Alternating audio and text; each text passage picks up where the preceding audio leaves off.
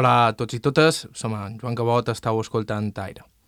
No sé molt bé com va ser que se'm va acudir entrevistar a Pepe Marroig, o Pep Marroig, actualment l'amo del bar La Polca, al barri de Gomila de Palma, juntament amb la seva dona Carmina. Crec que va ser Paco Mulet qui m'ho va suggerir, però no n'estic del tot segur. Però hi arribés com hi arribés, tant se val, allò important és que Pepe Marroig és tot un personatge, un personatge gegant, tant que el vàrem haver d'entrevistar dues vegades, una primera en el bar, mentre tancaven, i una segona al jardí de casa seva, i tot dos cops es va mostrar com el que és un figura. Fill d'una família vinculada des de sempre a la família Marc i membre d'aquella nova noblesa que habitava el barri de Son Armadans, Pep Marroig va viure amb tota la intensitat que demandaven els temps del boom de Gomila, i també va patir les seves conseqüències. Va consumir heroïna durant prop de 10 anys i té la sida des de 1989. Recentment ha superat un càncer i més d'un cop l'han donat per sentenciat. Però aquí està, i no se'n penedeix de gaire. Hay gente que ha hecho borrón y cuenta nueva. Y yo a veces tengo pesadillas. Yo hice lo que toda mi generación. O ibas para sacerdote, que no tenía yo vocación, o ibas para chico malo. Ell va triar, és clar, ser un chico malo i va viure la vida amb tal intensitat que ben bé podrien ser tres. També és la memòria vivent dels anys daurats i no tan daurats d'una zona, el Terreno, Comila i Son Armadans, on han conviscut el vellut i la misèria, grans fortunes i grans dilapidacions. Una societat exclusiva, tancada i endogàmica que un temps manejava Mallorca i d'on han sortit alguns d'aquells que encara la manegen. En el programa d'avui, les dues entrevistes a Pep Marroig. Estau escoltant Aire. A IB3 Ràdio vos parla Joan Cabot. Començam. I començam amb la primera entrevista. Un cap vespre entre setmana a la Polca, al bar que des de fa uns anys du juntament amb la seva dona. El seu nom complet quasi és el d'un noble. José María Vicente Liliano Marroig Ferrer. I quan vas néixer? 28 del 7, ja no te puc enganar, 57. I com han dit, la seva família va estar sempre lligada a la família Marc, son pare treballant en la banca, però el seu padrí desenvolupant unes tasques molt diferents i molt més preuades per don Joan. Mon pare, com jo, era una saga dedicada a los mares. Mi abuelo, presidente, y estuvo yendo a Cuba y tal. Mi padre, igual, pero ya no sicario, porque mi abuelo empezó, mi abuelo empezó siendo eh, sicario de, do- de Amberio, ¿eh? y haciendo para él de custodio o de guardia de la fábrica José Jenner, que eran unos puros muy buenos en Pinar del Río, Cuba. Y, y mi padre ya era más señorito, entró fácilmente y yo me dieron las preguntas. y claro.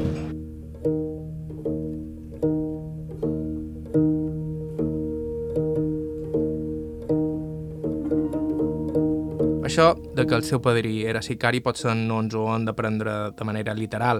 A de la pistola sí. Sí és bastant creïble i en Pep me'n torna a parlar en la segona entrevista. Fins el punt de que te diré que el meu padrí, a part d'un puro que pareix que el tenia ferrat, a més, eh, duia una pipa. Per què? Pues perquè era un home d'en d'en Marc. I què va passar? Que en Marc li va dir Ricardo, no han de perdre una operació i el meu predí va entendre tot d'una. Aposta després mon pare, perdona, sí, mon pare va vendre l'any temerata. El meu predí era massa seriós. Se'n va anar dos anys a Cuba i, en, i don Joan, en Berga, va dir, joder, molt bé, Ricardo, i on doncs? Diu, damunt el tabac. Dic, molt bé. el meu predí va guanyar. Ell canviava, canviava bonos de comida del patronato obrero por votos Enverga i li deia jo estic allà. Era un sicari que un sicari que no matava per encàrrec, per, però anava armat, perquè no se li ocorrés qui en aquest home votar a nosaltres. No, no.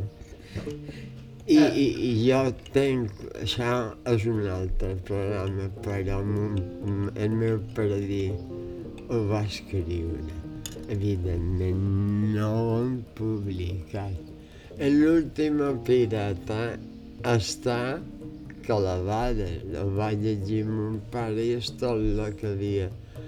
Però, com tu bé dius, eh, són armadans, eh, el pou que tenien a Cervera, tot eren gent de molt de dobbers i de que aquí com se feien, tu saps, les coses se feien en fulanito ha d'entrar, mira, jo vaig entrar, meu, mon pare va entrar a la banca Marc i no se va haver d'examinar, i jo igual. Dues generacions després encara mos duien així. I la meva predina era una dama de companyia de doña Leonor i sap què feia? tot el que sabia li contaven en Berga i en Berga. Els hi ha regalat els franciscans un òrgano. Una cosa, aquell òrgano que jo he estudiat allà. Dius, com se pot tenir tant de dobbers per, per costear en els Ferreres? Bueno, perquè després te farien moltes oracions, no? En Pep és el tercer de quatre germans, fills del matrimoni de son pare amb la seva mare, valenciana de naixement. Mi madre era valenciana y, como, esto es gracioso, y como su padre entró en la cárcel por decir que Keipo de Llano era un borrachín, cosa que todo el mundo salía.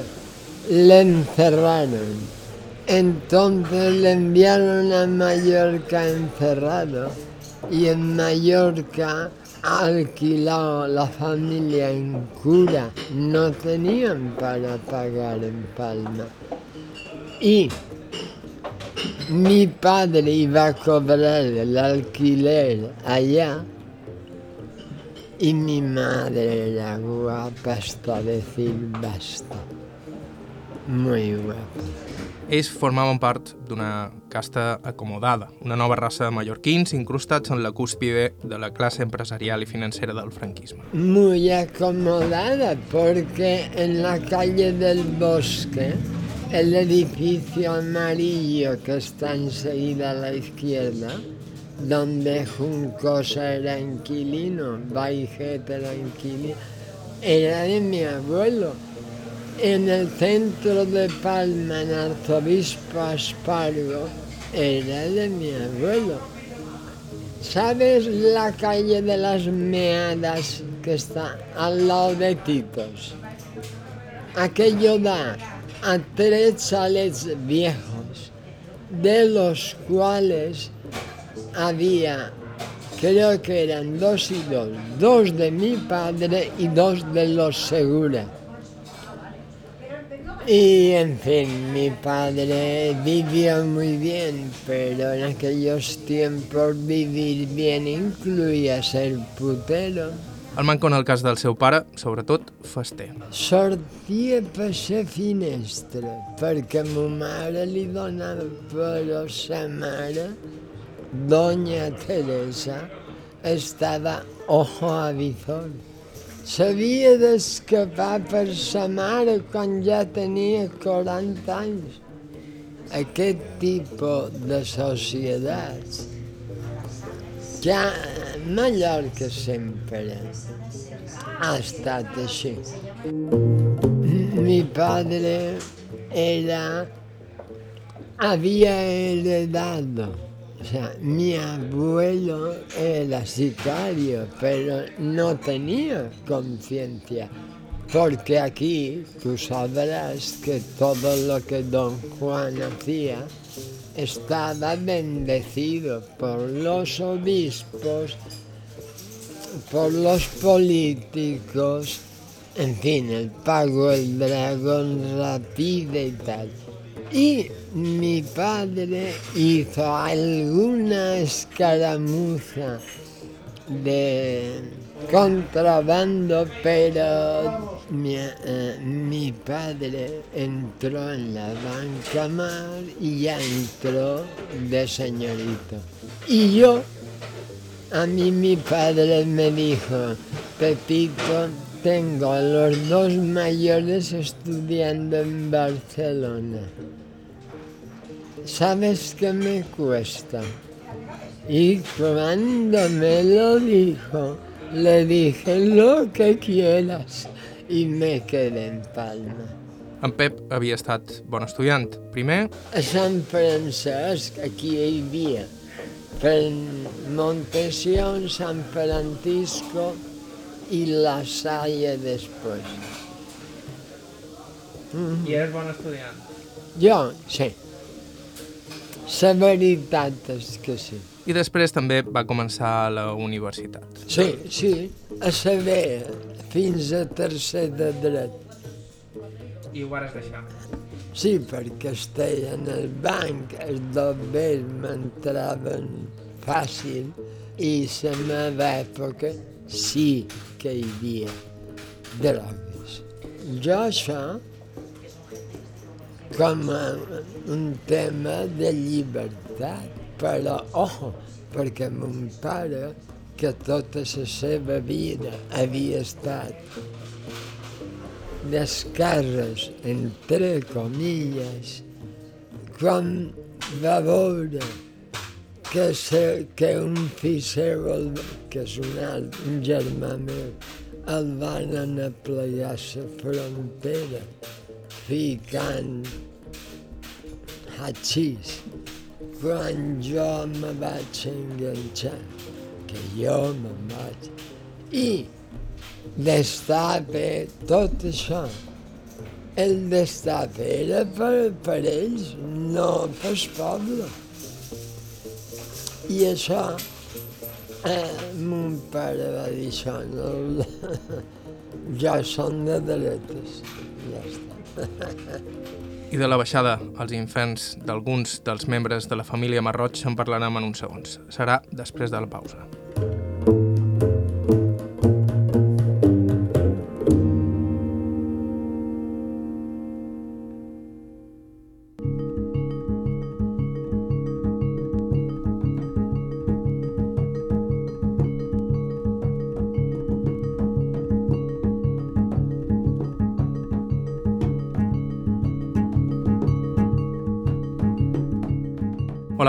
Som en Joan Cabot, això és Aire. Avui amb un protagonista d'excepció, el gran Pepe Marroig, Pep Marroig, membre vitalici de l'aristocràcia nocturna de Palma, ets yonqui, actual propietari de la Polca, i de jovenet i durant uns anys una de les grans promeses del club de tennis de Palma. M'agradava jugar a tennis com mon pare, que tennis jo hi fotia ca totes les hores baixes d'aquí de vora. La societat en què va créixer en Pep, la que pol·lulava pel club de tennis i per Son Armadans aquells anys, era una societat exclusiva i molt, molt tancada. Era tancada, no volien estrangers ni Ni forasters. forasters. Era molt mallorquí, molt mallorquí de, de gent mallorquina que En Planes va entrar siguent català, va entrar perquè, bueno, tot se pot arreglar, no? I allà hi havia l'única piscina que hi havia a Mallorca, era allà, que ara és un solar, allà era el Club Palma, i allà, amigo, per poder entrar no bastava pagar. Mon pare era 13, però el meu predí era 3. Vol dir que quan un demanava entrada se reunien els parebostes i deien, sí, si paga, no, no és que s'hagi ficat en res, no mos ha fotut els nostres negocis, i deia, que entri i pagui. I allà tots els nins van a nedar allà. Jo anava per tenista i a dalt de, de la costa de... Bueno, allà on hi ha l'única villa racionalista del terreno, que és Can Bonet, que jo he viscut. El Bonet és seient, seient formaven part de l'élite, naturalment. El Bonet és seient més bona, més senzilla. Bueno, són d'una altra pasta, no pareixen de zones medans. Tenien un tema de bordados, tenien estiuetjant en el Nicolás Franco i, i en Rossi se tornava. El conde Rossi, a can el meu predí, que ara és Can Vidal, i a baix, bueno, a prop, Can Bonet. Un món... Quan el Rolf Flynn havia estegat, ja hi havia mon pare, el meu predí i un parell més que el. I, i, i, i m'han contat coses de qui li esperaven. És que jous, que tenc una foto, la te tendre, els però els jous que es- eh, estan en Nemi Miró, eh, està eh, Don Pep, Don Pep és coctelero real. Després eh, en Xisco l'amo d'Espales, que estava de vora, restaurant, i ah, en Guillem Soler, que va ser director de cultura, però va tenir un accident fa poc, bueno, fa, fa, fa sis anys, i, eh, i des d'aquest accident està a Porto Petro i no de vaia ni Valentí Puig no és que visques aquí però anava i venia jo tenia molta amistat Amb aquella gent, fills de famílies acomodades com ell mateix, va ser en qui va fer bona part de la seva vida Pep Marroig. Amb molts d'ells, els hereus de Miró, encara hi conserva una estreta relació. Però després hi havia allò altre. Hi havia Gomila i la nit, dues forces que l'arrossegaven cap al costat salvatge i que varen deixar-li tanta marca que en els darrers anys Pep Marroig s'ha dedicat a escriure articles i llibres intentant rememorar els anys daurats d'una zona que va explotar en els anys posteriors a la mort de Franco i es va convertir en la zona zero de la nit palmesana. La polilla, el Chotis, que fue el, pri- el primer, la primera persona que trajo rock and roll a Palma. El Chotis. El Chotis en aquel callejón. Tengo escrito y recomiendo el callejón del Chotis y la polilla, el bar de los chicos malos que tiene 71.000 entradas. Son muchas. O sea, que yo me movía por lo que estaba en aquellos tiempos de moda. Y esto del bar de los chicos malos quiere definir que los chicos malos eran los que ligaban. Es, el primer llibre que vaig escriure i vaig presentar aquí i que se, de, se diu Canallesca, retrat uns quants i ara el que faré serà retratar-los a tots. Per edat, l'ona de Gomila va plegar de ple en en Pep. Oh, jo em va agafar de ple, em va agafar de nin quan me van dir, veus aquella senyora? I vaig veure una espècie de Marlene Dietrich, que aquest vespre trobaven a Tita, trobava a Tita. I no l'he oblidat, jo tindria vuit anys, però veus una dona de, con la Marlene Dietrich que per la mala eh, i, i Nero Alfin el va veure i tem fotos jo en terra i mon pare i els quatre de... Sí, però això era una entelèquia, això era per, per menys gent. Als 80 allò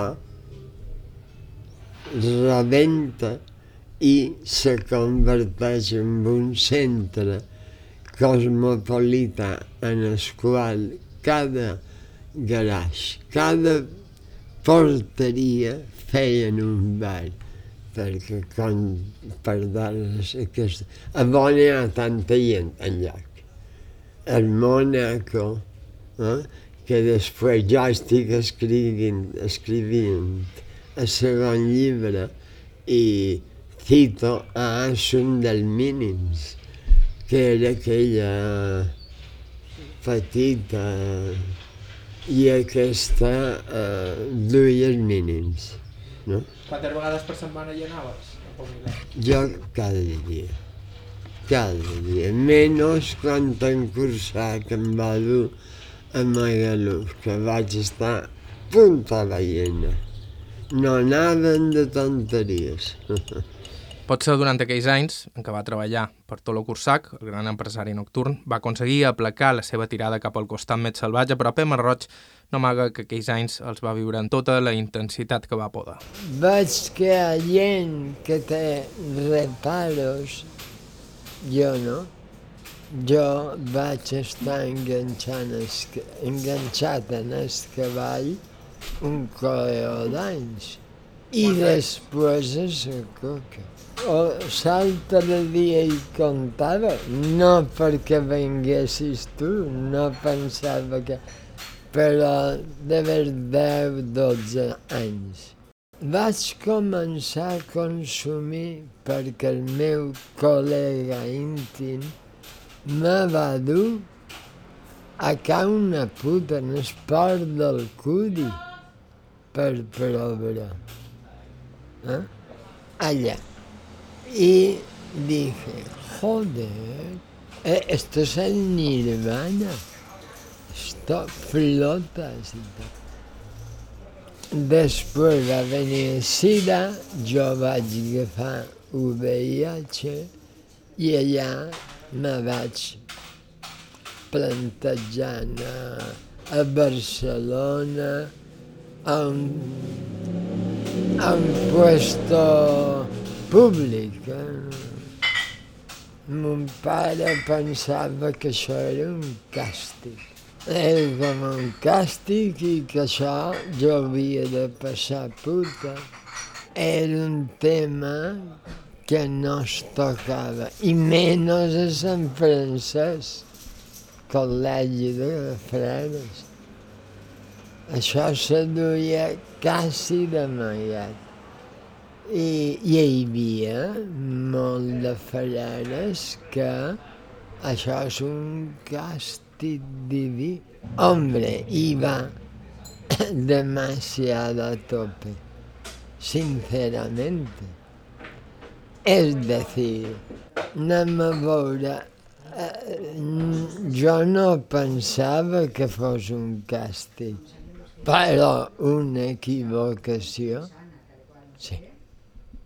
Perquè vaig veure morir molta gent el batería de parálisis permanente, toti, etcétera, etcétera, etcétera. Y se pasa mal porque piensa, yo puedo ser el próximo. Mon pare no volia veure, clar, no volia de cap de les maneres veure i ma mare va ser una valenciana valenta dona eh? que se va, se, se enfrentó con un par de huevos. Esto siempre Ma mare va morir fa dos anys i con Alzheimer. Jo vaig passar molt malament perquè jo què sé.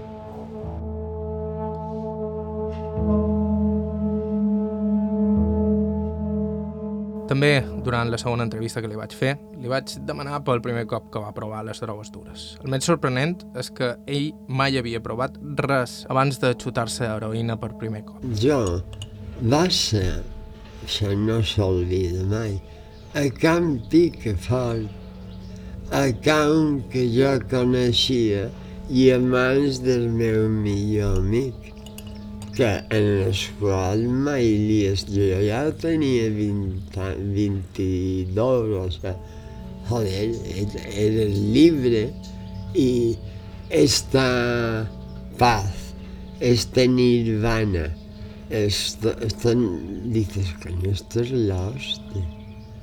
Ja havies I... provat les drogues abans? No. Va ser la primera droga que vas provar? Primer que es parla que això demostra que no es té d'ella d'escap. En aquells anys, Pep Marroig era empleat de banca. Això vol dir que no tenia problemes econòmics, però era qüestió de temps que la cosa esclatés. Me vaig haver d'anar. Ningú me va dir, eh?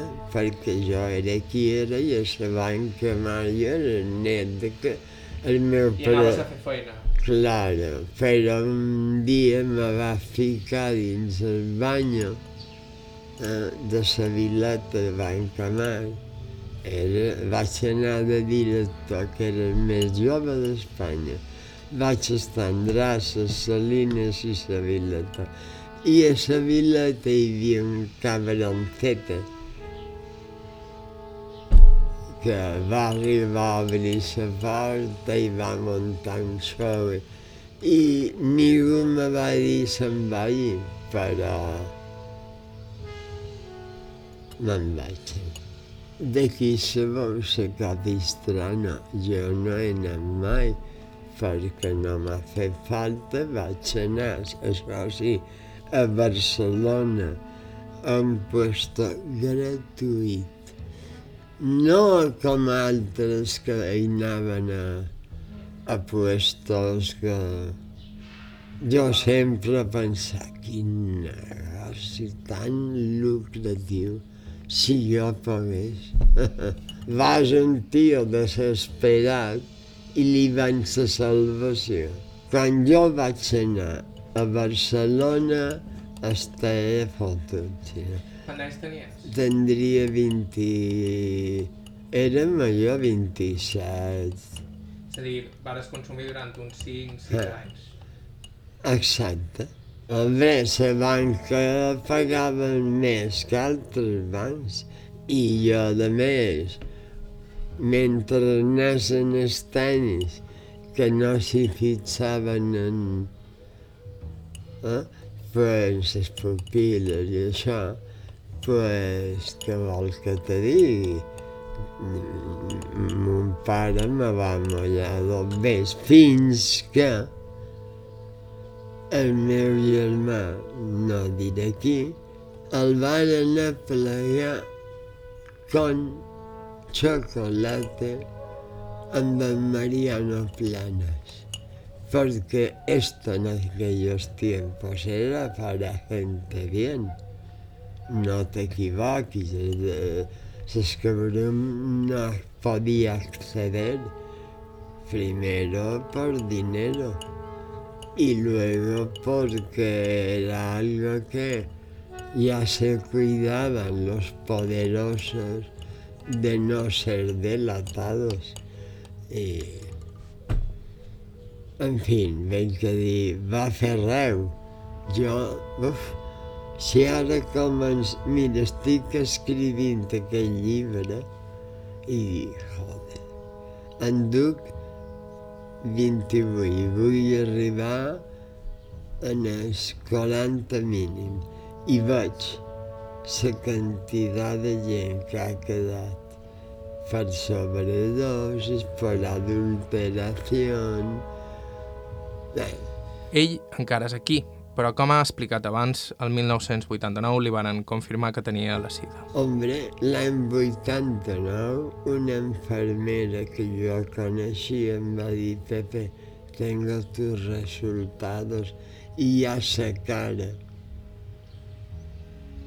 l'estella de la tant i va dir positius. Però no vaig tenir la consciència de me voy a morir, sinó que jo veia que hi havia gent, bueno, en Rock Hudson, però mira aquell jugador de baloncesto, aquest, no sé si és viu o no, jo també vaig pensar, aquí, hasta aquí he llegado.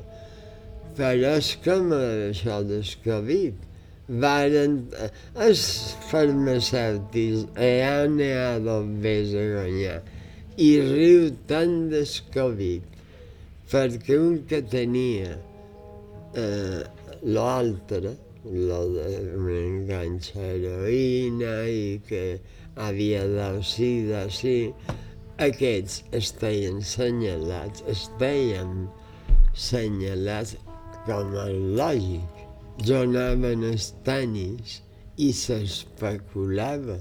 Ningú me va dir caramba, Pepe, que delgado estàs, això sí.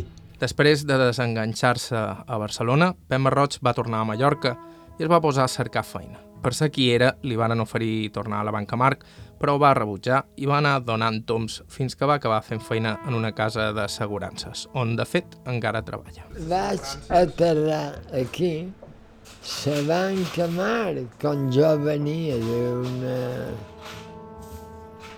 de una tradición, me ofrecieron volver, pero tothom m'hagués mirat y eh, allá trabajé de lo que trabajan los que no encuentran trabajo.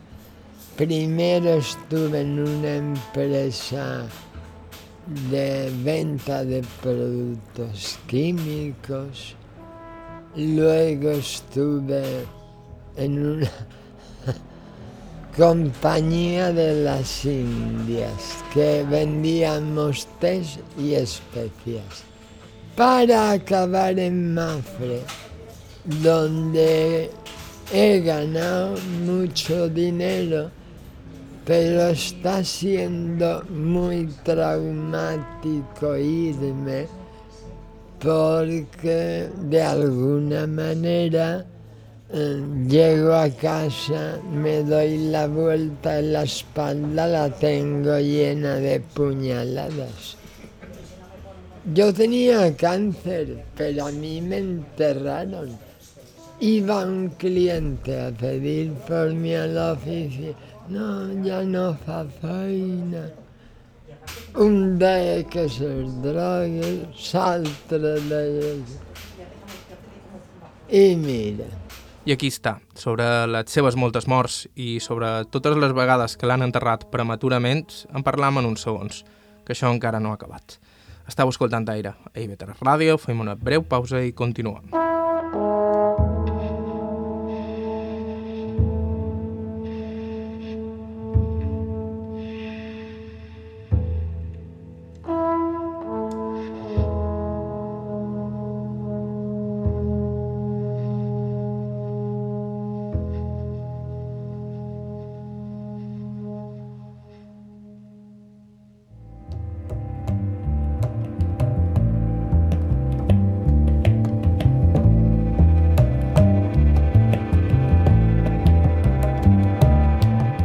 Hola a tots i totes, som en Joan Cabot, això és Aire, abans de continuar, l'Oceana de sempre.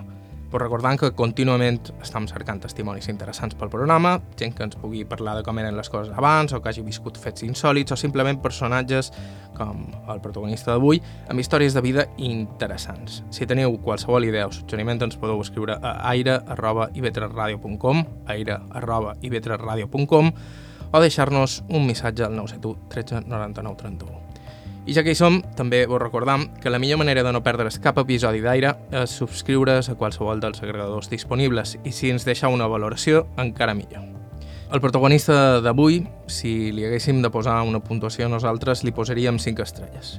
Ella és Pema Roig, supervivent dels excessos dels 80, actualment al front de la polca al barri de Gomila de Palma, i un personatge que ha viscut tres vides en una i que en algunes ocasions ha fregat la mort. De fet, no seria el primer cop que els seus amics van a l'hospital a acomiadar-se d'ell, en part conscients de tots els seus excessos. Ja pareix tot. Lo único es que ha sido esto me daban tal descontrol que me veía en un espejo y decía, coño, ¿y quién es este? Y me lo aceptó. N'he pres fins fa 10 anys per aquí i aquí. I aquí has d'estar loca, perquè... I com vas deixar les drogues? Pues me va anar allà. I allà, a Barcelona, Els catalans coses. Vaig anar amb Buenaventura Clotet, que és un metge que està en, no sé, una clínica important, i me va fer un sermó, a part de que me va donar el primer retrovíric, diguem-me, si els d'allà on estaven no tinguessin donat, t'aguantarien més anys, perquè aquest tio era un fenomen, però me va fer, me va dir, pues mira, des de l'any, vamos, me pot passar, però què passa? L'altre dia vaig anar a fer-me una prova pel meu càncer y me valendí, no tienes cáncer, pero el hígado inflamado, todos somos una máquina tabacada. ¿Eh? Y, y bueno, ¿y qué duraré? Antes somos os cada vez menos. I, i era més, a vegades, jo estava a l'hospital, entrava una parella i en sortir no esperaven arribar a la porta, està listo. O una noche vieja, una amiga dijo, vamos a brindar por Pepe, que a lo mejor nos dejas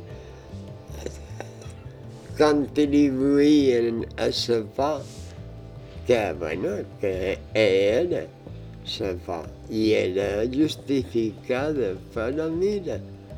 Com... Sí, aquí estoy y dando guerra. I amb prou energia com per fer-se càrrec de la polca. Tot i que en realitat és la seva dona qui du el dia a dia del bar, Mema Roig és per allà gairebé sempre actuant com a mestre de cerimònies i encarnant l'esperit del bar. La polca, en tot cas, és el darrer en una llarga llista de locals en què ha treballat o dels que ha estat propietari, Potser el més famós d'ells, la discoteca Babels. Vaig tenir el baix, el primer que estaia en el punt de Sant Pere, sortint de, de, de, de Terrassanes, una costa, en vez del xotis també ho va provar, li va anar malament. I jo, com que no m'havia gastat res, unos antiguos establos los convertí en bar y bueno, me divertí. Ahí ya empecé, precisamente, no ahí eh, geográficamente, pero coincidente. Después tuve el Off Hollywood, que lo abrí con don Rafael de Laci, que si ahora su hermano, el médico estrella, me oyera, me afearía, pero vaya, Rafa volia obrir un bar, però Teresana se mos omplia de, de gent fotuda, no? I de gent que allà, en este, allà on se posaven els discos, allà on fos. Això era, era un bar grandat. I l'altre dia va venir el camarer i me va dir Digo, hostia, tú eres feliz. Nunca entendí cómo robándote cada día tú no te dabas cuenta. I, era, i és cert, jo no me dava cuenta. Ara vaig ensorrada i mal pienso de... Sí, sí, perquè això és una xulada que la segueix pogut estalviar. Sí. I allà venia el Titi, el Pelos, eh, qualsevol d'aquests, el Lejía. I aquests que venien, aquests que venien en el meu bar, me decían, esta chupa me pertenece, dámela. Valía mil donasis. Eh, y después ficava la massa caixa y antes tenían el que daba el agua, pero no de la policía, de los malos. ¡Agua, agua! Y teníamos un doble fondo y ficaban y dejaban res, menos de lo que vivía. El darrer bar, bueno, Babels, que era una discoteca. Ja saps que les discoteques estan acabades. Ara ningú se li ocorreix anar. Una discoteca, visquent a Mallorca.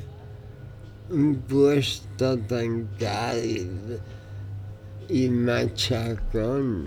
El, jo vaig fer feina per encursar a les Sandres 2 i a Nabraxas, que també déu nhi Però jo vaig obrir Babels a mitges amb el famós Toni El Simio, que era un disjockey que no sabia escribir. Ahora sí, ¿eh?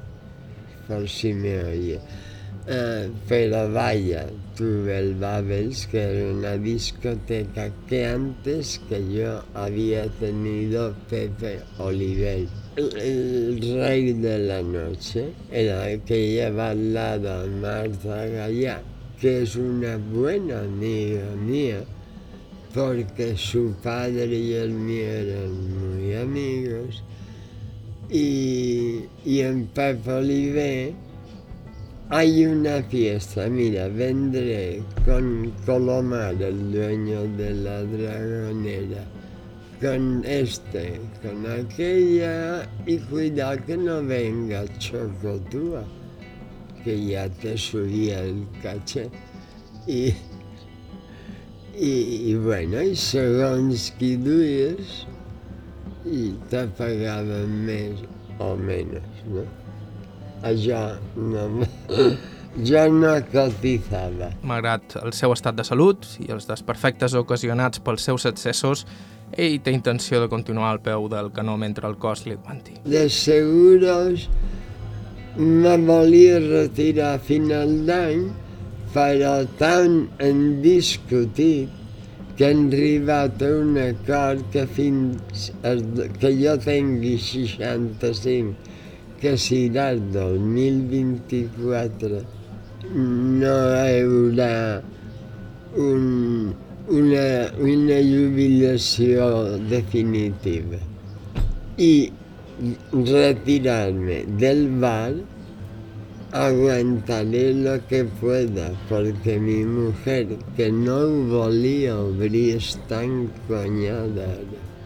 ¿Y qué han de hacer si voy allá y veo que todavía mucha gente, joven hombre, Pepe y tal, y da hace ilusión, ¿no? Que te, que te reconozcan y tal.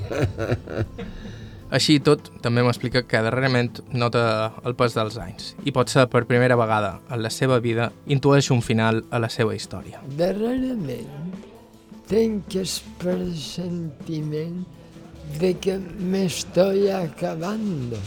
Es decir, por la edad, porque después de la operación uh, empecé a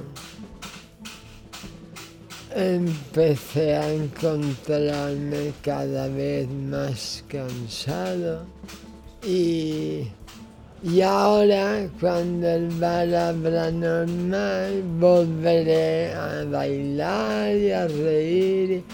Probablement ho estigui fent ara mateix, no en tingueu cap dubte.